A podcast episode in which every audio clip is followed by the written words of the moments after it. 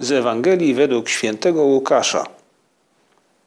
Pewnego dnia, gdy Jezus nauczał, siedzieli tam też faryzeusze i uczeni w prawie, którzy przyszli ze wszystkich miejscowości Galilei, Judei i z Jeruzalem, a była w nim moc pańska, tak że mógł uzdrawiać. Wtem jacyś mężczyźni, niosąc na łożu człowieka, który był sparaliżowany, starali się go wnieść i położyć przed nim. Nie mogąc w żaden sposób go przenieść z powodu tłumu, weszli na płaski dach i przez powałę spuścili go wraz z łożem na sam środek przed Jezusa. On, widząc ich wiarę, rzekł: Człowieku, odpuszczone są ci twoje grzechy. Na to uczeni w piśmie i faryzeusze poczęli się zastanawiać i mówić: Kimże on jest, że wypowiada bluźnierstwa? Któż może odpuścić grzechy prócz samego Boga? Lecz Jezus przejrzał ich myśli i w odpowiedzi na nie rzekł do nich: Co za myśli nurtują w sercach waszych? Cóż jest łatwiej powiedzieć: Odpuszczone są ci twoje grzechy, czy powiedzieć: Wstań i chodź? Otóż, żebyście wiedzieli, że syn człowieczy ma na ziemi władzę odpuszczania grzechów, rzekł do sparaliżowanego: Mówię ci: Wstań, weź swoje łoże i idź do domu. I natychmiast wstał wobec nich, wziął łoże, na którym leżał, i poszedł do swego domu, wielbiąc Boga.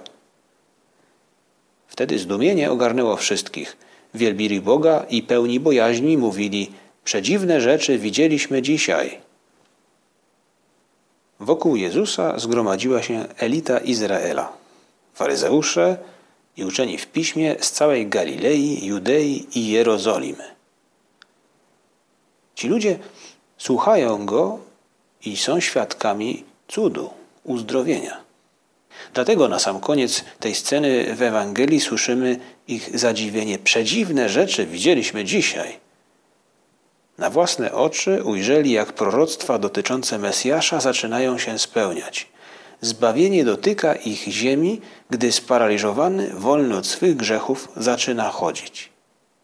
Być może i w ich uszach, jak w naszych, wybrzmiewają słowa proroka Izajasza, które słyszeliśmy dzisiaj w pierwszym czytaniu.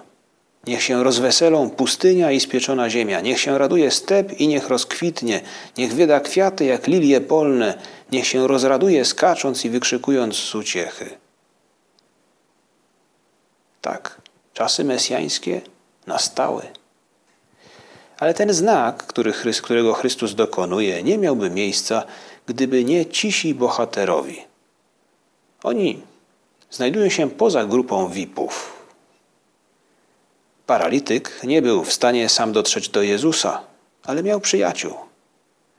Czterech jego przyjaciół pomaga mu przezwyciężyć nie lada przeszkody.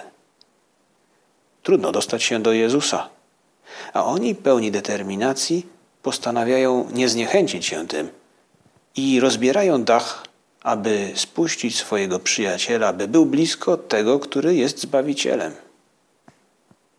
Wysiłek, determinacja i przyjaźń popychają ich do tego.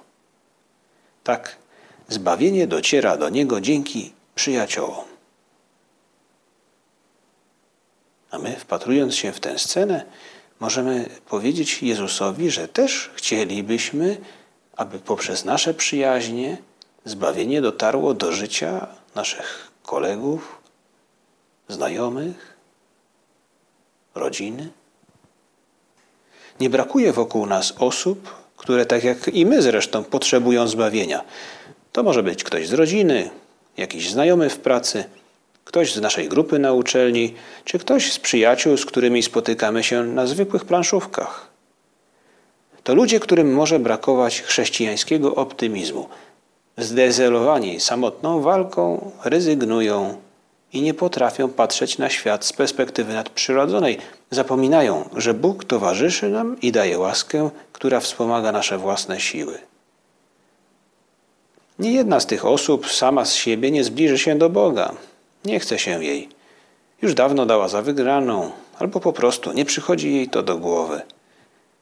Tak jak czterech przyjaciół paralityka sprawia, że zostaje on uzdrowiony, my sami możemy wlać w życie osób wokół nas optymizm i nadzieję na to, że zbawienie jednak dotknie i także ich życia. Prośmy Pana Jezusa o to, aby pomógł nam wyciągnąć naszych przyjaciół ze studni pesymizmu, kiedy w tej studni się znajdują. Nie potrzebujemy robić rzeczy nadzwyczajnych. Nikt z nas nie musi rozbierać dachu na, na, czy, na czyimś domu. Nie potrzebujemy robić tego, aby nasi znajomi czy rodzina spotkali się z Jezusem.